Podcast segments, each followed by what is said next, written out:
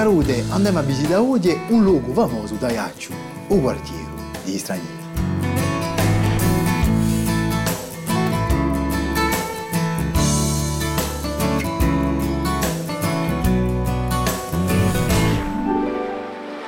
Alla fine del XIX secolo sono i ruttori che hanno fatto vanto della dolcezza di un Iacciu. In sua pubblicazione i ruttori Benè, Donè e de Pietrasanta mostrano che il clima iacino, vicino al mare e mica lontano dalla montagna, face pro.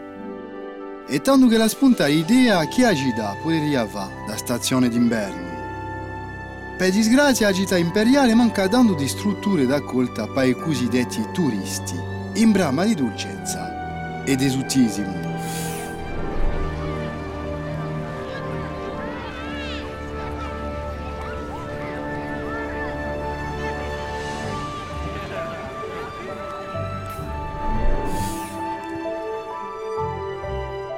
O conte Pacciocchi, ministro di Napoleone III, Miss Tomasina Campbell, una ricca scozzesa, e Bernard Braccio, cittadino britannico, si daranno di rimeno per cercare di sviluppare la città d'Aiacciu e di farla conoscere come un luogo prediletto per passare l'invernata.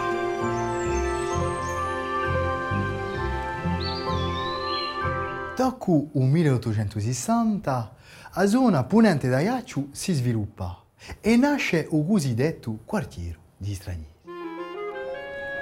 Tra il 1820 e il 1920, parecchi turisti inglesi, ma di no svizzeri o alemani, che frequentavano Nanzu a Nizza e a sua famosa riviera, decidono di venire in Corsica d'inverno.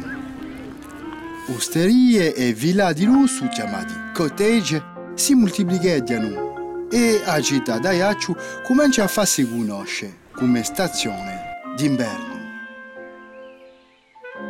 Il Grand Hotel, realizzato dall'architetto aiacino Bartolomé Maioli in 1890, è forse il luogo più simbolico di un quartiere di stranieri.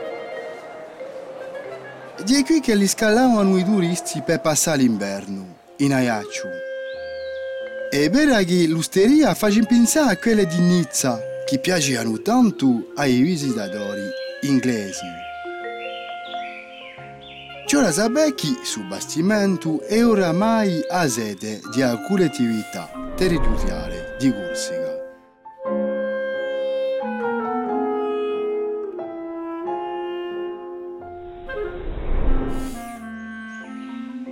La costruzione di chiesa anglicana chiamata dagli inglesi Holy Trinity Church testimonia di un'unità di colonia britannica da rudionarsi in Ajaccio e d'altronde la famosa Miss Campbell che faceva alzare Saiecia nel 1878.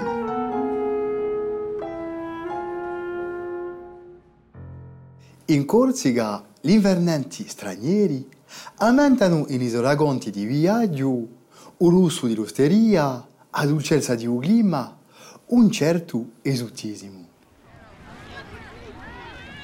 Fora di un sole spampirulente che scimisce e di un lusso di lusterie, si campano i turisti in Ajaccio.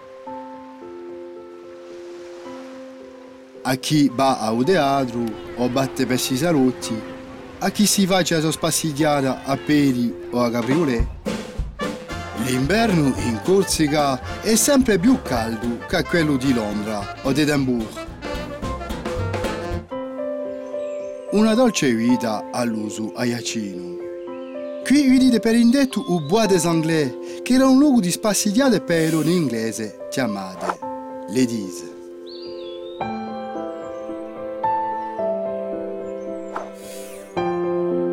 In 1901 si franca in Ajaccio a migliaia di invernanti e si sviluppa dunque un quartiere residenziale detto di stranieri.